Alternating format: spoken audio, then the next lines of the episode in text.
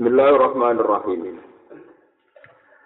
Ma ahbabta syai'an illa kunta lahu abdan wa huwa la yuhibbu an takuna li ghairihi abdan. Ma ahbabta ora seneng sira syai'an ing perkara. Ma ahbabta ora seneng sira syai'an ing perkara illa kunta. Kecuali ana sira lagu maring se iku abdan dadi budak dadi kawula. Kowe ora seneng perkara kecuali dadi budake perkara iku. Toh wa halil te Allah taala iku la yuhibbu iku ora seneng sapa Allah. Antaku nayen to ana sapa sira liwai maring saliyane Allah. Allah ra rido ra seneng nak iku ana kanggo liyane Allah ana iku abdan dadi kawula. Dadi wong ora seneng perkara kecuali dadi budake, padahal Allah ora seneng nek ana kawulane dadi budake liyane. Apa? Contoh paling gampang ngoten niku. Tiang-tiang sing radi-radi merasa nasional itu janggal. Ana wong kok bedina ning masjid ngresiki masjid. Ana wong bedina ngresiki pondok, barang-barang apik dijanggali ngene kula apa. Padahal wong-wong ngoten niku luwih parah. Di mobil antik betina dilapi diresi pemene wong wedok-wedok ya? Malah para meneh. Di gelas diresi ngok lemari ini diresi lebu jene rata diresi. Jadi ini wong nak senang perkara itu jadi budaya ya wong lanang kaya rugen nak rokok itu di empuk nose gitu semua. Mau nak hilang digoleki semacam-macam. Jadi wong nak senang perkara mesti jadi budaya Jadi misalnya misalnya kak kengken teng kono kromo, cung saya ke mono mono kromo, nara roh kepentingan itu janggal. Aku dikongkon moro jiwangan kone wopo. Padahal gara-gara seneng rokok, itu melaku dewi rokok tuku dan udan ya. Bayang no, itu nak seneng nafsu. Bayang no, itu nak seneng nafsu. Orang itu di dunia itu hanya digerakkan dua, kebenaran sama kebatilan. Kita udan-udan demi sholat di masjid, kita udan-udan demi rokok. Iku jate merokok barang makro. Misalnya terus demi wedoan, direwangi maku, bayar, danan, macam-macam. Iku Allah iku gak rido, nak kabeh pergerakannya kawulo iku liyane karena ridhani Allah subhanahu wa ta'ala. Carane piye? Ya carane mau anggere gak ora zina, ora nyolong wae barang-barang sing cek makro iso dielmoni. Gusti kula petu rokok, mbok terus rido kok kok dari dengan pokoke tidak kompromi lah pangeran iki tidak kompromi. Kalau nak rokok niku gremeng. Nang gremeng ora pati rido, mulane rokok. Enggak sebenarnya kita kau pengiran ini kan. Apa kok kakek pola. Apa itu kakek apa? Syarat. Ayo ya sembuh ya ya apa. Tapi pengiran buatan buatan buatan sinis buatan muntah jamin yang buatan buatan. Di kue kurang senang perkara kecuali kue itu. Ngeten penjelas ini. Kalau kalau mengutip ini itu asli takbir ini itu ada di Ihya. Cuma Ihya enggak enggak disusun dengan kata mutiara begini. Ngeten. Jadi hakimun menawar hukama, seorang bijak itu pernah jadi penasihatnya raja. Berpuluh-puluh tahun raja itu menjadi raja yang adil baik. Gara-gara anak ngasihati ini Tiap pagi ditanya, sebaiknya saya gimana jadi raja supaya tetap adil. Jangan pernah punya barang yang kau cintai. Wes, jadi misalnya kepinginnya gedang goreng kok gosong atau api, digawe elek. Sare kepengin mangan ana sate ini diganti kerupuk. Nah ben kerupuk diganti sate kok kuat itu rasa seneng. Oh dibuat kecewa sama yang sekelilingnya itu dibuat apa? Wibu jadi ada dia itu jadi raja sing adil. Nah suatu saat raja itu dia dia satu gelas songko uh, nopo kristal uh, kaksan kaksan min sujat jadi gelas kristal semua era karuan. Uh, terus dia bilang, ini saya dia antara raja dapat kristal. Saya senang sekali. Dari penasihatnya tadi, ini musibah bagi anda. Kalau anda senang ini. Tapi aku raiso mungkiri senang iki, maksudnya. Aku nak ngombe, aku nganggo iki, terus nak jamu tamu nganggo iki. Hasil suatu saat, gelas itu pecah. Raja ini tersiksa sekali, karena barang situ sendiri pecah. Terus dari penasihat tadi, andai kan anda tidak pernah senang, atau tidak pernah memiliki, maka percaya gelas itu tidak ada artinya. Anda bertahun-tahun tidak punya gelas itu juga nggak apa-apa. Gara-gara pernah punya dan senang, saya ini pecah. Kue kecewa. Lho bertahun-tahun kan kita ya ndak apa kan? Lho saiki nabi jaya pecah ora ilang ngono paham tak wari Nabi jaya pecah ora ilang. Padahal bertahun-tahun ya kita tidak pernah bersentuhan dengan gelas itu karena tidak punya, tidak apa-apa kan setelah punya kok malah apa kan jadi mau jadi goblok goblok wong ini wong Islam sing ngono. Lucu kan manusia lucu. Misalnya kita orang miskin bertahun-tahun tidak punya mobil, tapi setelah punya mobil itu bergantung mobil. Padahal kita punya reputasi puluhan tahun iso seneng tombo mobil. Bujuk yang mana? Zaman ke Joko ya sesuatu Barang di buju senengnya bergantung ridhanya apa? Buju. Wah akhirnya budak kan. Mestinya kayak gitu berpikir. Dek berpuluh-puluh tahun aku tanpa anda surip. Ini jadi saya kita udah jajal lah. Boleh buta tenan ya. Akhirnya kau tenan. Nah itu repot. Mana apa roe sama ditakut ilahahu hawa. Jadi tawarai sampai. Ini gawe ulama-ulama riyen ngantos Imam Ghazali ngantos kita. Pokoknya yang dunia ku gawe kecewa. Maksudnya kayak kecewa itu. Iya kone mau dilatih aja ono sing mbok senengi tenanan liyane Allah Subhanahu wa taala. Sehingga kowe ra gampang kecewa. Mergo sekali kowe seneng mesti dadi budak. Ya, sekali kowe seneng dadi budak. Dia mau dadi, dia mau. Cara mlakune kita ning masjid pendak Jumat, tapi mlakune kita demi tuku rokok, tuku sate, tuku bakmi, bicara kilone agak ndi? Kowe mlaku demi wetengem mbek mlaku demi masjid cara dikilokno pangeran sampeyan itu Kemudian nak sing seneng kuliner, malam akad jajan ini Malioboro, mau malam akad berikutnya mau Solo, malam akad berikutnya itu ini, cuman takoi pangeran. Kue demi masjid tahu, Jumatan iki nih gue biduan, soben Jumatan yang Magelang, soben Jumatan yang Solo, demi ngekehno seksi, nak kue jum, Tapi demi kuliner kue melakukan makanan-makanan yang kamu dengar buat jajali kabeh. Gue pengalaman kuliner. Ulama harus berteriak, meskipun ini tidak populer, ini coba nanti bisa pangeran. Berapa jumlah perjalanan anda demi wetengah? Wata lah kusti Nak demi masjid, ya jumatan bibir kulo. Nah, itu walhasil kue nak senang perkara, jiber, budak. Demi senang mangan nih warung tertentu kayak kudu kuda dan kudu antri macam-macam. Sementara kira siap antri demi kebenar, kebenar. Nah haram ora ya, nanti haram ora tak jamin, nak nanti haram buat ya. Ini mau cerita gue perbandingan gue ora senang perkara kecuali ke ibu bahwa lah ibu antaku nanti gue irihi apa apa kurang seneng nak ono pergerakan sing liyane demi ngawula ning Allah Subhanahu wa taala. Ora rido nak kawulane diperbudak liyane Allah. Diperbudak dan masya Allah dan nabi dan La tanfa'uhu ta'atuhu wa la tadurruhu maksiat. La tadur, la tanfa'uhu ta'atuka wa la tadurruhu maksiatuka. Wa innama amaraka bihadhi wa nahaka an hadhi lima ya'udu alika.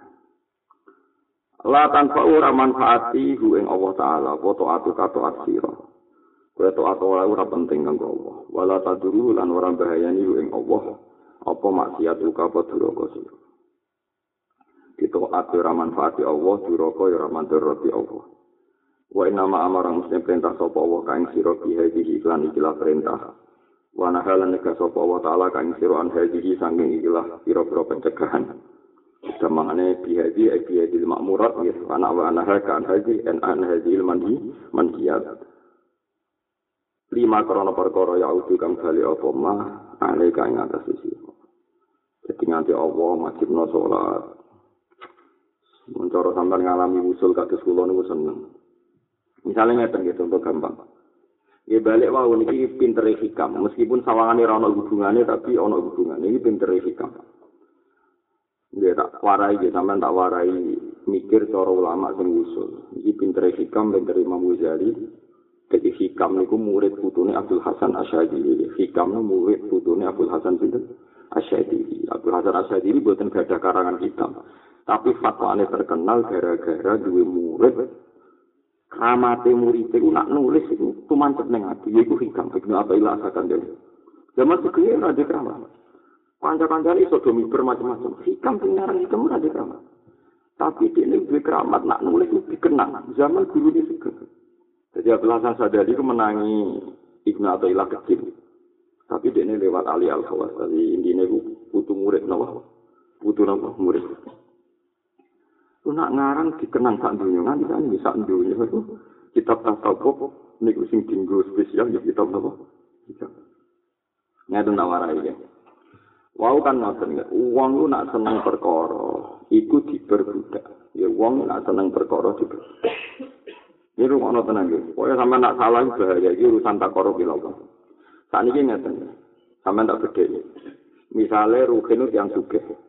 Gengsi ini rak dhuwur. Kira-kira terus dikongkon tandanya. Dikongkon orang itu dulu. Hen. Saya kira kongkon ning Solo, nyupiri aku. Wah, gengsi ya, orang anak raka dan guruku dikongkon. Padahal saya elek-elek tangga mijak menuso, sing kabare makhluk paling apik. Tapi rugen sing wong sugih, kepengen serabi Solo, itu digerak nomor Solo, dikongkon apa? Serabi kan? Iya, dah. Iya, dah. Sing mari nomor Solo digerak nomor Serabi, berarti digerak nomor tengah.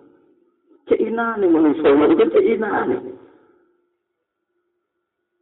Dan udah mulut kecil udah kan nama aku kan udah mau ngoro toko ngono pro mau bentuk rokok jadi pengiran digerak baku sing cara riwayat dari Yesus dan rekan bersama ini tegas kula ono kiai tidak tuh spesial ngarap no baku mana mulai asalan sampai baru mencerita dari setan diusir semua suaraku kepulau pulau pulau ketiga Jare sing rasa-rasa. Oh, kasus mau tuh. Tak tak. Nanti ini saudara di mau tuh. Lah, tak kepulau-pulau di suarco, berarti suarco bukan pulau. Berarti bagus. Kena uang rokokan. Barangga ini semedon digugak. Bah, ojo muni rokok u haram, ampun geman kualat. Bah, makros alim rokok. Bah, maksud rokok itu alim disebut. Lagi ini kita tuh pinter, kajian nabi kalau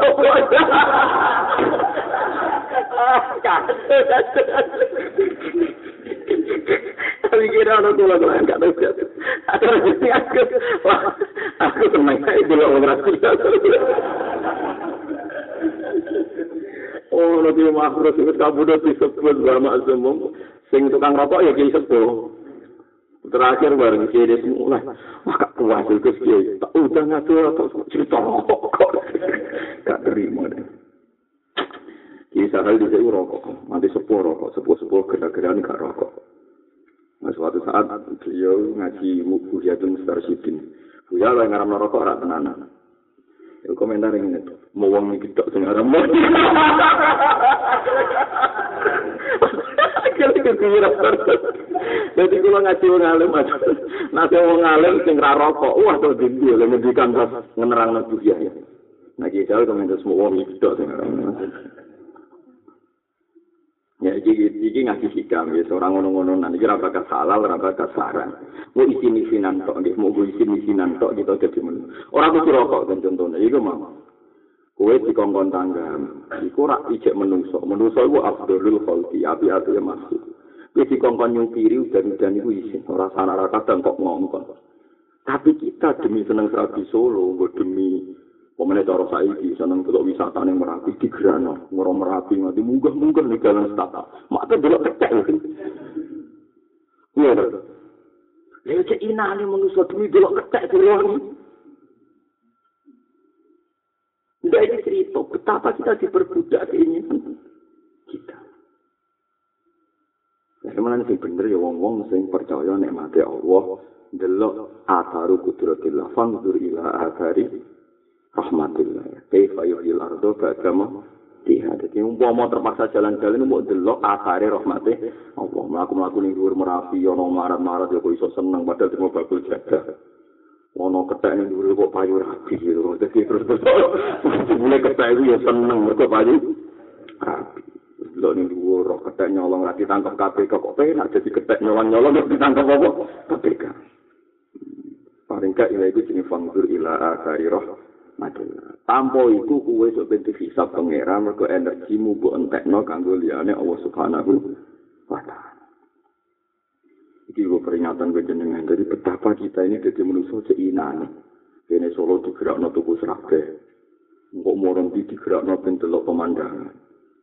Ya mungkin saya semua ada tunggu no wapi gus itu anget berkutuk berkutuk. Lihat tidak ada air berkutuk berkutuk kayak direwangi numpak pesawat. Dan nanti kemudian orang Jakarta mau digerak numpak numpak pesawat.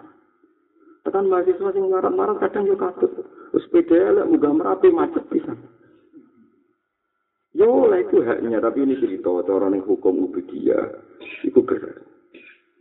Lan kula nak dolan teng Yogyakarta mriki tak niati Gusti kula ben mulang kawulane jenengan perintah jenengan. Ya sudah begitu, nggak mulai tak niati niri ibu, niri keluarga sehingga semuanya digerakkan oleh fangdur ila dari rahmatillah kaifa yuhyil arda ba'da mautiha. Dadi kita delok ning ndi kono bumi ana tanduran ana rahmat. Jadi moron jiwae mun delok asare rahmati Allah Subhanahu wa taala. delok wong melarat dadi sugih cek welase Allah wong melarat saiki dadi sugih Kok misalnya orang melarat kok tetap melarat, ya kok tetap guyu, anak tetap pakai. Pokoknya delok, kabeh itu delok secara apa Ada orang tak tahu. Ini istilahnya bapak ini wonten tiang tasawuf. Wongnya tapi koplak lah. Nah, ini buku ini dibutuh anak kula. Bisa. Bapak itu senang maca Nasiruddin Afandi, Nasiruddin Kurjawa, ulama tasawuf sing lucu-lucu. Suatu saat ana anak wong sugih bangkrut, padahal mantan wong sugih. Lah Pak Mbah Nasaruddin itu terkenal dengan mandi serono. Mbah Yai saya ini melarat, padahal tahu sugih, tahu seneng. Saat ini melarat susah kula Sebudi ini. Ya nanti paling dua minggu lagi kamu akan senang. Ya dua minggu atau satu bulan, oh sowan, alhamdulillah kata Mbak Wali sana nanti akan senang. Berarti saya akan kaya lagi, sowan. Waktu menang ginjang-ginjang ke wali itu terkenal dengan tadi celuk. Maksud saya gitu. Habis suwi kulit. Tak kira kacar wali. Waktu itu rasa suke. Itu arah tentu rasa. Suwi kulit. Kak kacau tapi. Jadi pikirannya wali itu. Pikirannya wali itu tentunya kan sepele. Suka ya nek mati melarat ya. ne mah ternyata itu wali bera wali oleh nafsi akhirnya kecewa waduh kok ngono misalnya kan lebih baik nah jadi tak terus mulai penerang pergerakan wong seneng serabi ning Solo atau wong seneng kuliner ning gone seneng jadah ning gone barang kritis kono ning gone jalan kali orang iku menggerakkan uang irung ana tenan kecaman para pengira Umpama wong seneng perintah Allah kaya salat nggerakkan wong. Saiki iki sampean pikir. Ana wong saleh iku sewu, dalem ana ana wong saleh satu kampung pinten sewu. Kepingine salat bener. Keputusan mereka bikin masjid. Masjid dibangun habis satu miliar. Nanti ada pekerja di situ juga masjid. Untuk pekerjaan jadi kuli bangunan masjid untuk gaji. Engkau ana wong spesialis konveksi gawe rukoh untuk duit. spesialis biasa saja mau duit. Mereka sholat kesunatan minyak, minyak kayu, ya untuk nopo duit. Untuk doa pun ada transaksi uang yang besar karena perangkat sholat itu mulai rukoh, minyak, bangunan, alat wudhu, alat listrik, macam-macam itu pemadangan di masjid, penyinaran di masjid. Nah, setan itu pintar.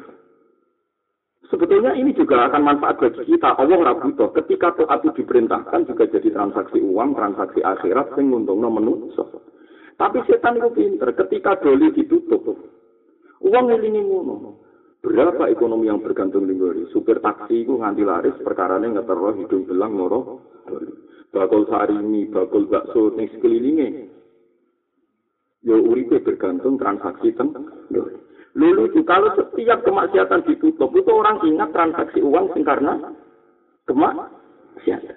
Padahal kalau kita fair, semua bentuk toat pun melahirkan transaksi keuangan. Kayak tadi orang bangun masjid. Sekarang orang yang kaya gara-gara umroh berapa? Melibatkan pesawat, tiket, imigrasi, kabar. Padahal itu orientasinya toat. Dia orientasinya. Tapi sama Las Vegas diadakan tinju sing nonton wakil, diadakan maksiat sing nonton akeh, yo melahirkan uang. Artinya ini kira usah cilik hati ketika orientasinya agama itu neng toat toat lah itu menghasilkan uang, menghasilkan fitnya hasanah, wafil akhirati hasanah. Nah Allah itu rabu toh toat, yo ramadhan tapi napa mak masih. Paham gitu, terus sampean generasi cilik ati, sakjane kabeh itu balik ning kowe. Di wong rasa cilik ati nak taat kok untuk apa. Misalnya misalnya Indonesia orientasinya sholat itu, itu sudah melahirkan transaksi sing luar luar biasa. Sesuai kalau jadi cita-cita, cara umum kafe masjid apa ngekei kafe, jadi wong ape sholat jumatan happy, ngopi-ngopi sih. Kok neng ono sing fit, mau kiai ini ngopi fit nih kafe, neng rugen-rugen nih kopi kedekan tau apa neng gurih-gurih. Tapi wong happy. Ya kan kan gak fair kan, apa ngantor mikir berat ngopi. Saya ini ngono, pesuan Allah fokus ngopi sih. Jadi wong sebenarnya jumatan itu, tuh happy itu ngopi-ngopi sih. Jadi malaikat seneng ning kono ora ana wong angop perkarane sudah Oh, rasa iki wape ngantor ngopi, parlente muaca, dadi mantor fokus. Apa Jumatan mbek kesik-kesik ngantor angop. Gak cocok. Ora mun kondo ngomong sing di warung kopi, sok nanti duit di warung kopi ngarep terbit. Agak umum ya, ora umum langsung tanggung jawab. umum barang terus takon tulisi silakan ngopi dulu sebelum anda ngantuk pas anda tengok anak anak dulu kang peroka ngopinya demi jumatan apa jadi bapak utang ora demi jumatan atau utang demi ada pintu ruang misteri jumatan itu nopo ngopi Nggak ngopi terus rokok. Akhirnya foto foto di baro. Ngapa di rokok? Enggak kayak menisan. Enggak menisan. Kalau di konco kiai, anak khutbah mau cek rokokan. Cek rokokan tuh menang. Enggak naik komat. Lagi mau masjid. Ini gue jenis jumatan. Terus mau jenis khutbah. Dadi sing wajib ku salat Jumatan ya iku jenenge salat ya iku Gus Pak Komando jenenge apa? Salat. Nah iku jenenge apa? Khutbah. Penak. Lah ngalim untuk ngalah. Ya iku jenenge salat ya mereka. Ah. Wah, ya kacau kan ngomong ngene Ya, tapi dia wong alim ya, wong menengah tapi ya dengerin banget ini tapi ngebut rokok, ngebut rokok. La yazidu fa izhi ikbalu man akralu alaihi wa la yang min izhi ikbalu man akbar wa ma. La yazidu ora nambahi fi izhi ing dalam kemuliaane Allah, ing dalam keagungannya Allah. La yazidu ora nambahi fi izhi ing dalam keagungannya Allah. Apa ikbalu man, apa madhepe wong akdala kang madhep sapa man alaihi natese Allah. Wong sak dina sujud kabeh ora nambahi mulyane Allah. wala yang kusulan orang ngurangi min istihi saking agungnya Allah. Apa ikbaru man apa mungkure wong utawa mengone wong? Ada kang mungkur sapa man andu saking Allah. Jadi keleng-eleng kue toat nanti mati orang nambahi mulyane Allah. Sing buta kue dhewe kue mbali lan dunya ya orang ngurangi derajate Allah melane wong ora usah gede ketika sholat terus sawangane Allah untung mergo penggemar kue ora ana Allah untung ora ana. Mulane apik ibadah sedengan, ben ora GR nguntungno Allah. Mun nang ngatur kula ibadah sing apik napa sedengan. Kok nak kenemen sesuai GR, Gusti. Nak ana kula sing mbah jenengan sinten pengira kok ora ya temar kae pengira ora butuh. Ora butuh ngono-ngono. Mulane Ya soalnya jadi wong sing biasa ya, soalnya nyembah Allah, mereka kita merasa nyembah Allah kebutuhan. Wong mangan serabi ya kebutuhan, masa nyembah Allah buatan Allah kebutuhan. Terus tetap melahirkan uang, yang perlu dicatat itu melahirkan uang, melahirkan dunia. Fit dunia hasanah, wa fil akhirat hasanah. Penting tenan, kalau ngumpun, kalau pun meneliti beberapa kitab, pun kalau istikharoi, kalau sholat tahajud, dunia itu kuncinya itu sitok agama, kudu gelem ngakoni fit dunia hasanah, pun nangan dulu. Agama itu kudu ngakoni nak nyekel agama ya ana fidunya hasanah. Buat misalnya wonten tiang pengusaha besar, akhirnya rapi gampang mergo duwe akeh. Kuwi dadi kiai gedhe ya rapi gampang mergo pengaruh akeh. Tetep ana dunya niku sing dilingi-lingan Allah nak ngibadah ora bakal rugi. Nggih to, Ana wong tukang khianat, tukang dagangan narkoba, gampang duwe-duwe akeh. padahal krono sebab maksiat. Ana wong terkenal Al Amin, kena dipercaya ora tau bodoni, nak kerja profesional yo duwe akeh mergo sing percaya akeh. ana wong terkenal ngrayu wong wedok liwat bodoni, ya gampang ngibuli wong wedok. Tapi ana wong terkenal ora tau selingkuh, jujur, terkenal apian ra bakal khianat, sing cawe wedok seneng ya. Mulane Allah dawuh ning nabi ini aja geman taat iku anggap penghalang untuk hazun dunyawiyun. Mergo padha-padha di potensi untuk barang nopo dunia. Ini penting kula aturaken karena sekarang banyak fatwa orang-orang zuhud sing karena cara Imam Syafi'i lam ya summa hatal ilmi karena orang mengambu ambune ilmu nak fatwa seakan-akan agar zuhud itu ngilangi fitnya nopo hasanah itu salah besar dari Imam Syafi'i. Kok prakteknya dunia sama. Andai kan saat dunia itu akad, transaksi masjid juga menghasilkan uang. Paham ya? Karena kalau masjid itu sehat, misalnya ada masjid gede, kan sing sholat wakil. Uli bangunan untuk gara-gara sholat akeh warung-warungnya ya laris. Gara-gara sing sholat akeh ya parkir, macam-macam sebenarnya sama. Tapi kenapa untuk doli orang gampang berpikir ini kalau ditutup berapa transaksi uang tinggi? Iya. Nah, misalnya masjid rame ini tenanan ya ngelahirkan beberapa nopo transaksi kan sama. Jadi sumber diketahui terus Ojo geman to atiku mbok balekno ning Allah mergo wong mung sangka Allah ya ora ndekno kurange Allah wong to ning Allah ya ora ndekno mulyane Allah yakinlah bahwa dalam taat itu ana fitnya hasanah wa fil akhirati hasanah. Tapi nak dalam maksiat iku wa malahu fil akhirati min khala tapi nak dalam maksiat itu dunia bentuk tapi akhirat ora nopo bagi bagi. Bonus Bukan tadi kita bakas ilmu usul nih. Ini yang paling penting. Ini hasil hikam nih. Wusulu ka ila wahi ta'ala wusulu ka ila ilmi bihi. Wa illa fatalla rabbuna ayyat tasila bihi se'un au yat tasila huwa bise'in. Wusulu utawi oleh tumeka sira. Wong kecelok usul ila Allah. Salih Abdul Hasan Asadili kuwi usul. Abu Yazid Al-Bustami wis usul. Abdul Qasim Al-Junaidi wis usul. Maknane usul piye? Usuluka utawi oleh pumeka sira ila wahi maring Allah taala. Iku usuluka iku oleh pumeka sira ila ilmi maring ngerti utawa ma'rifat bihi lan Allah taala. Maknane usul ning Allah ora kok kowe jejer Allah secara fisik. Allah kok jejer kowe? Ora penggawean Allah kok jejer kowe? Ora mungkin. Wong usul ning Allah maknane ngerti utawa ma'rifat tentang sifate Allah. Mergo ora batal kuwe sing hadis iso jejeran be Allah sing kodi. Masuk ke ben swarga wong ora iso. Usul Allah dengan arti jismani boten saged. Mergo sampe ora tak kok kula. Jarene iku lho Gus wong nang swarga ngerti Allah, iso suwan ning Allah.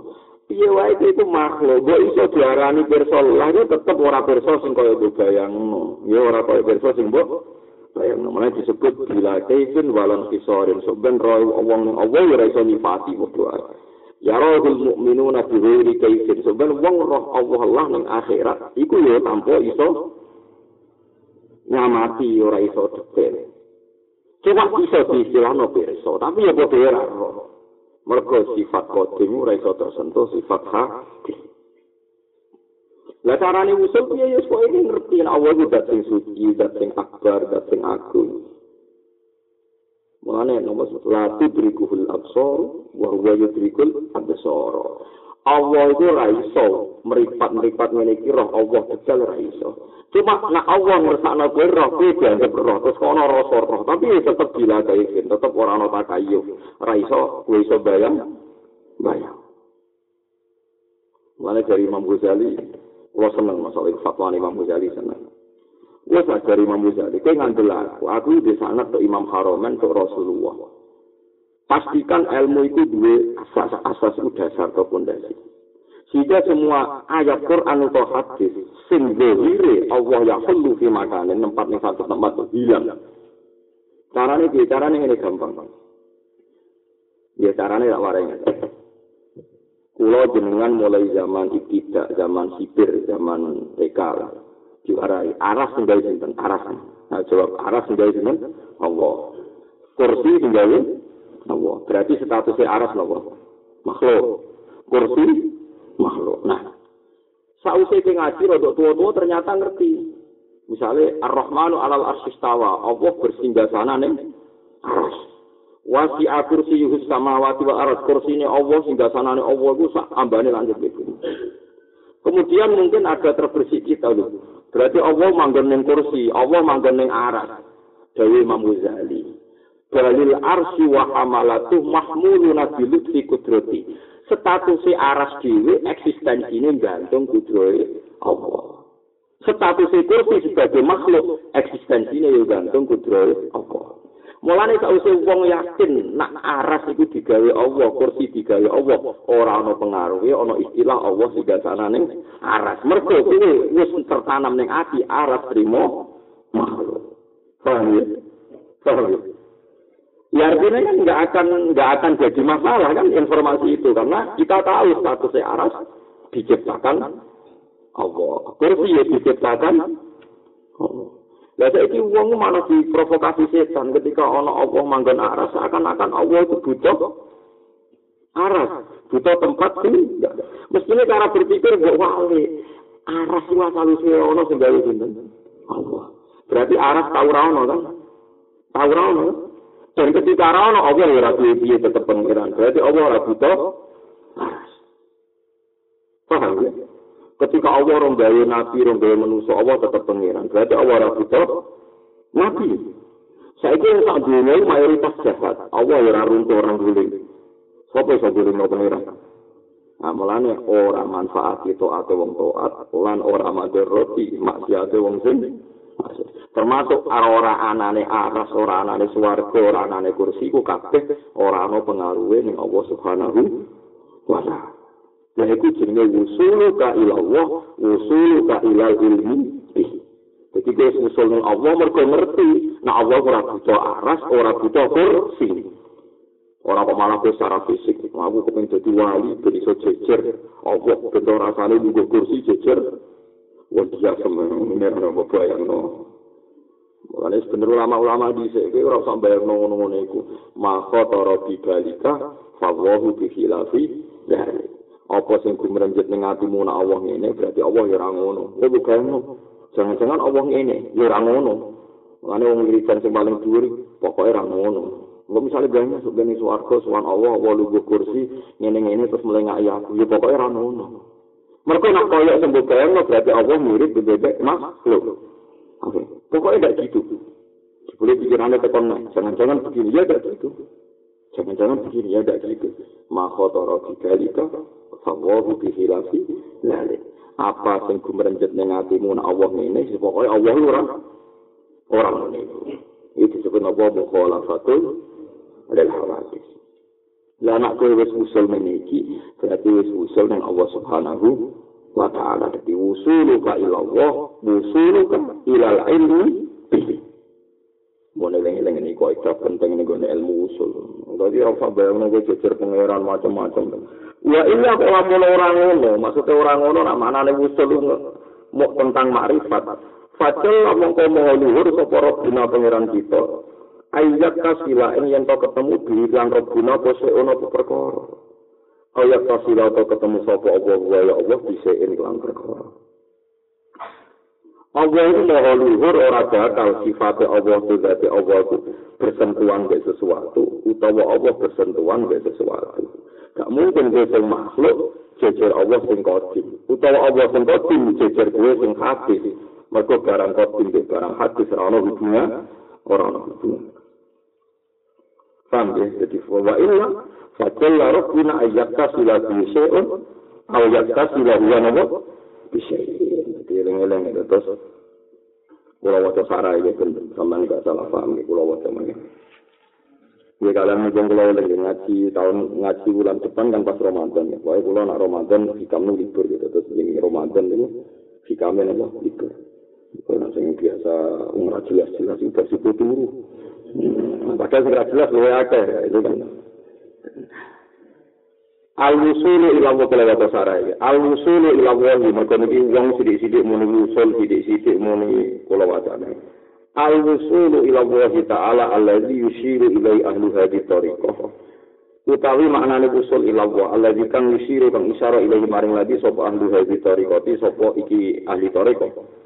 huwa ya wusul al usul iku temeka ilal ilmi maring ngerti al hakiki kang hakiki billahi taala dan wong ora salah paham tidak sidik mulai usul gak tau roh maksudnya.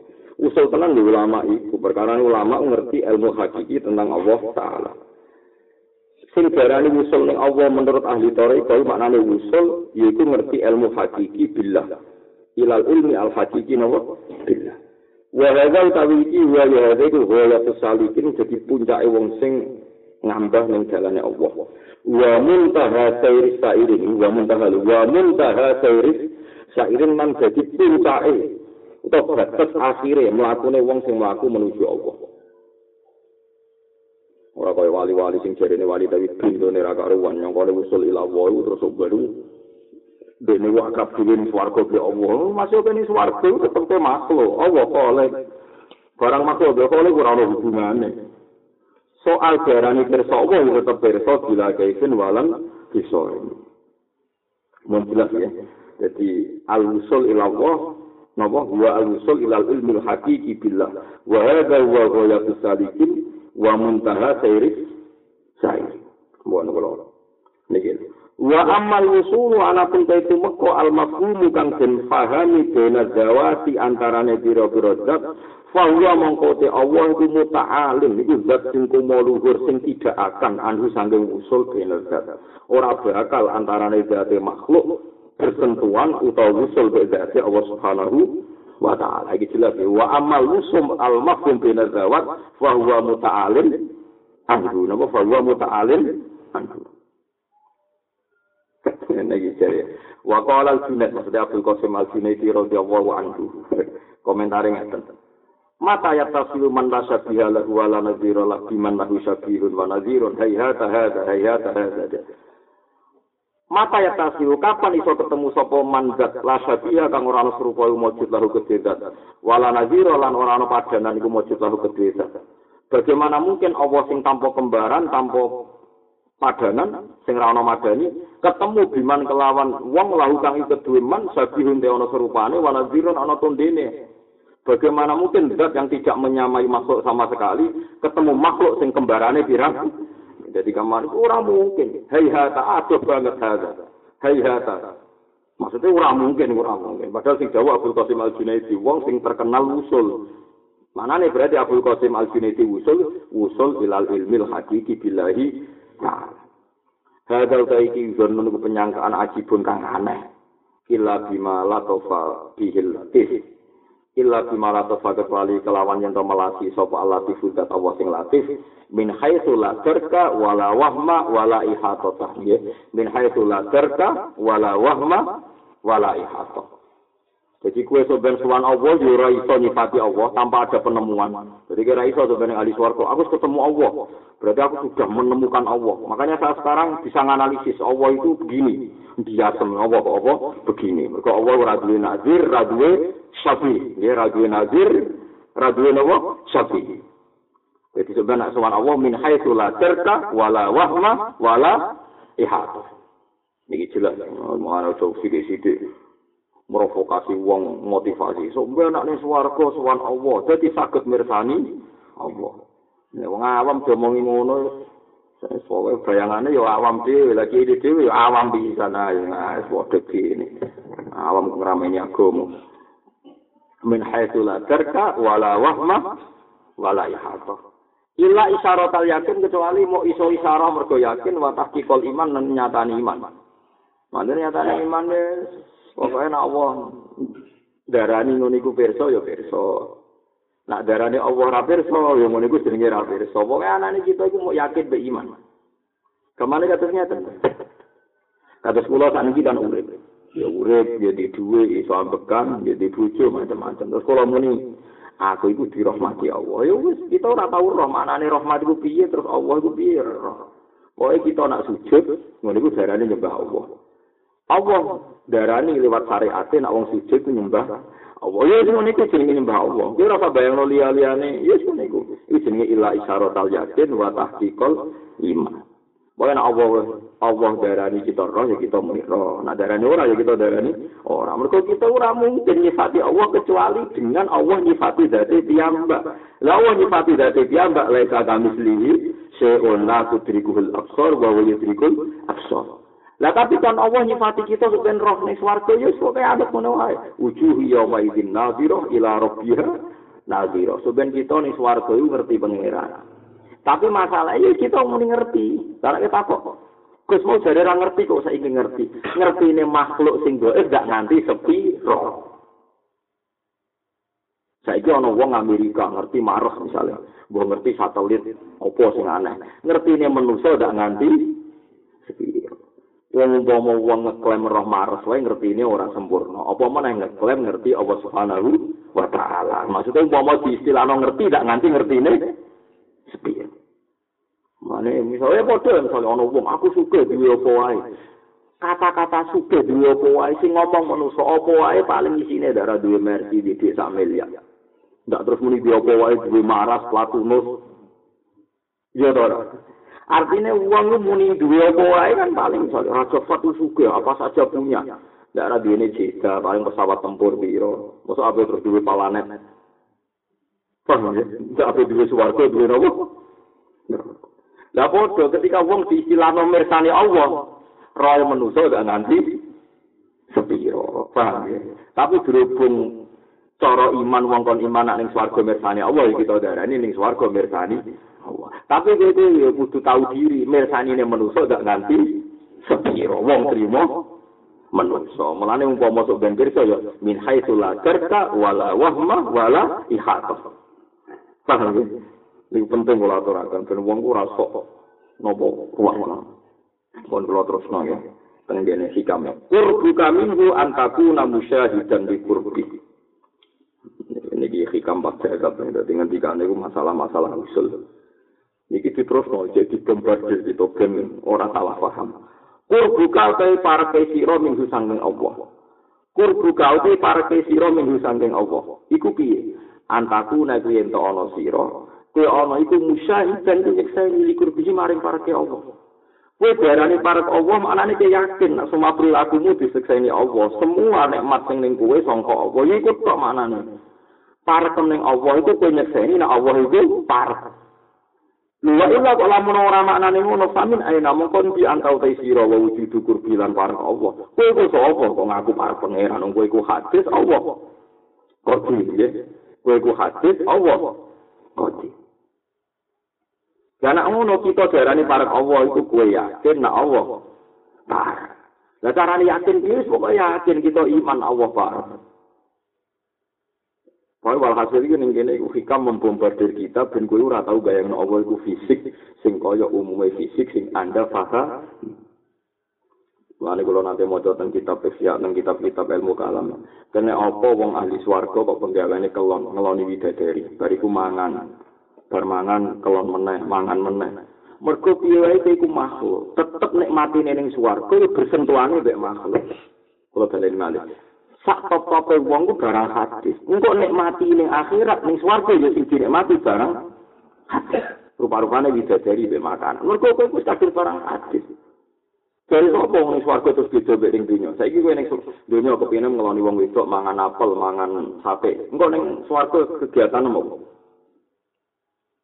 menikmati orang hadis juga loh dari kan itu orang hadis kan artinya diciptakan kan mergo kita itu hadis nganti itu akhirat ya tetap hadis sifat Allah itu kodim orang bakal bersentuhan dengan barang tapi kita tetap iman nak wong mukmin ning swarga ngerti pangeran. Yo kita sepakat, kita sebenarnya roh pangeran.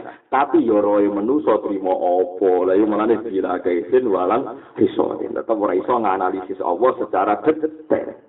Disebut la tudrikul absar wa huwa yudrikul absar wa huwa latif. Mergo Allah iku al-latif. Zat sing banget halus gak tersentuh. Tapi kowe jatuh kaya mutazila nak ngono apa ora iso dipirsani? Goblok kowe sing darani kowe pirsa Allah itu kebenaran. Mergo wujuh yo maizin nazira ila rabbiha nazira. Ben wong roh pengira. Ya tapi roh eh menungso trimo apa? Mun gitu jadi kita mana jawa hikam para cewek kue pangeran yo mana nih para kue nyekseni para kue pangeran. Lah anak orang ngono kue itu sopo terima hadis kok muni jejer. Zat sing nopo? Koti. Mun kula waca ge al qurbu al hakiki kula waca sarai ge mriki niki kata sing salah kula waca sarai al qurbu al hakiki qurbu wa minka Parak sing hakiki Allah parak kowe. Qala ta'ala wa idza sa'alaka ibadi anni fa inni qarib. Wa qala ta'ala wa nahnu aqrabu ilaihi minkum walakin la tubsirun. Wa qala azza min qail wa nahnu aqrabu ilaihi min hablil warid. Niki oleh ngendikan sarai hikam wa hadzuka uti bagian sira min dalika sange mengkon-mengkono para pangeran iku innama huwa. Angin pesine utawi hadzuka min dalika al-qurbiku musyahadatuka. iku oleh nyekseni sira likurbihi maring para Allah Subhanahu wa taala fakot khalid loko. Wis pokoke iku iman yakin nek Allah para kita. Fatas tapi tumongko ngalah faedah sira bihadil musyahadat iklan ikilah kesaksian syiddatal muraqabati ing banget ing jenenge Allah wa ghalabatil hidati lan menangi wibawane Allah wa ta'at dubi lan tata krama bi adabil hadrati kelawan adab-adabe wong sing para pangeran. Jadi kowe yakin para pangeran itu benak lungguh sopan, ben ora maksiat, ben wedi pangeran. Iki maknane para ben kowe wedi. Ora kok terus kowe roh Allah, lho kowe sapa? Wa wa amma anta wa amma anta ana pun te sira, sira makhluk. Fala yaliku mongko ora patut dikaklan sira. Apa illa wasful abdi kecuali kowe iku sifat kebudakan. Wa syuhuduhu lan oleh nyekseni abdu bin nafsika. Wa syuhuduhu lan oleh nyekseni Allah bin nafsika saking awak sira. Ya dewe hikam nangenya wa amma anta fala yali kubika illa wasful abdi. Jadi kemana kok ngeten misalnya kalau kita ya hubungan mbak pengiran saya ini diciptakan Allah sehingga hubungan saya dengan yang menciptakan sangat dekat kan Kenapa sangat dekat? Karena saya ini diciptakan, tentu hubungan saya dengan yang menciptakan sangat dekat. Karena saya, adanya saya diciptakan oleh Allah. Berarti hubungannya makhluk dengan kholik sangat dekat. Aku itu kaulannya Allah. Berarti hubungannya sangat dekat dengan majikan kurbannya Allah. Tapi kalau usah bayang terus fisikir roh, zatir roh. Iku gak mungkin ke Allah itu kodim. Kita hadis. Faham maksudnya? Jadi jelas ya, jadi uang para pangeran maknanya marifat dan pangeran. Uang usul dan pangeran maknanya dia ilmu hakiki tentang pangeran. Difaham ya, terus kiai-kiai ahli sunnah ketika kampanye anak sebenarnya suarga roh pangeran, ya bener, itu ya dawe Allah. Tapi ya gue kudu yakin, saya yakin yakinnya roh yang menuso gak ganti sepi roh. Jadi wujuh yoma idin nalbiroh ila roh naziroh. Tapi roy manusa itu bila kaisin walam hisoren mergo dawe Allah napa la tudrikul absaru wa huwa yudrikul absara wa huwa latiful khabir. Jadi Allah itu ra iso dianalisis secara sempurna lewat absore manusa sing semuanya perangkatnya kawa. Saya ulang-ulang sing semua perangkatnya napa? Khawatir. Mulane akhirnya ahli swarga iku makhluk engko sing dinikmati ya makhluk rupa-rupane gamen ngeloni widadari gamen mangan pakanan men nanti yang yang usul maca surat apa surat waqiah sing paling detail sing tentang swarga fa niku lho salatu minal awalin wa akhir ala sururin mauduna.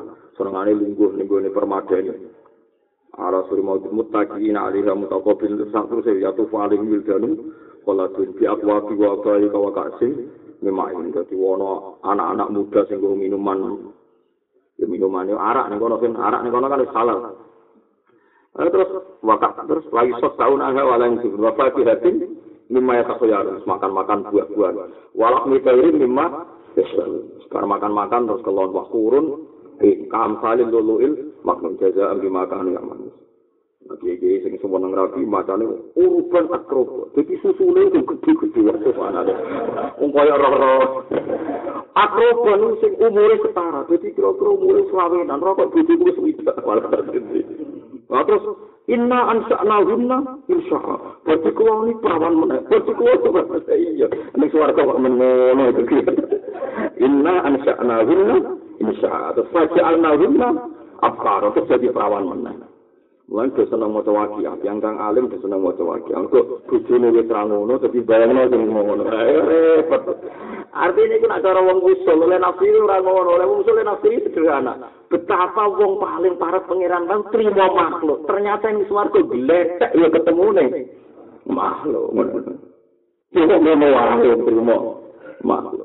Paham cara oleh maknane wong usul Nah, kok kadang-kadang sowan pangeran roh, tapi roh ya roh ya menungso. Ndak nanti sepiro. Paham ya? Paham ya? Jadi jelas ya, ini. Ojo nganti salah paham. Mempodo rarowe kok terus geger. Itu jelas, terus nak wong suarga roh pengen. Iya roh ya, ndak nanti sepiro. Mulane min haitsu la tarka wala wahma wala ihata. Ya dari Abdul Qasim Al-Junaidi min haitsu la tarka wala wahma wala ihata. Ya wau bener ulama-ulama. Kowe bayangno Allah dene ing dunya be akhirat ku padha tetep maha tara bibalika fa wa fi khilafi dzalik. Eling-eling maha tara bibalika fa wa fi khilafi dzalik. Wa alam ya al-haqiqah dari itu hal itu. Mungkin sendiri ini. Mohon monggo-monggo, Bapak di kalian kita